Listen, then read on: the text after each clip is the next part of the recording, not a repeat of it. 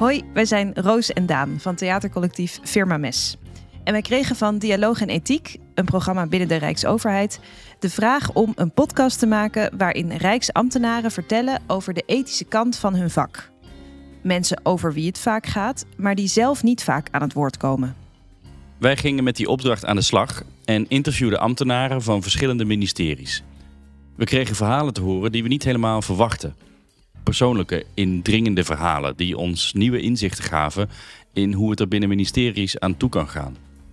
De podcast geeft een inkijkje in hoe ambtenaren werken en vooral ook in de ethische dilemma's die zij in hun werk tegenkomen en in hoe ze daarmee omgaan. Hallo Hanna is vanaf 23 maart te beluisteren op dit kanaal. Meer info vind je in de show notes. We zijn benieuwd wat je ervan vindt.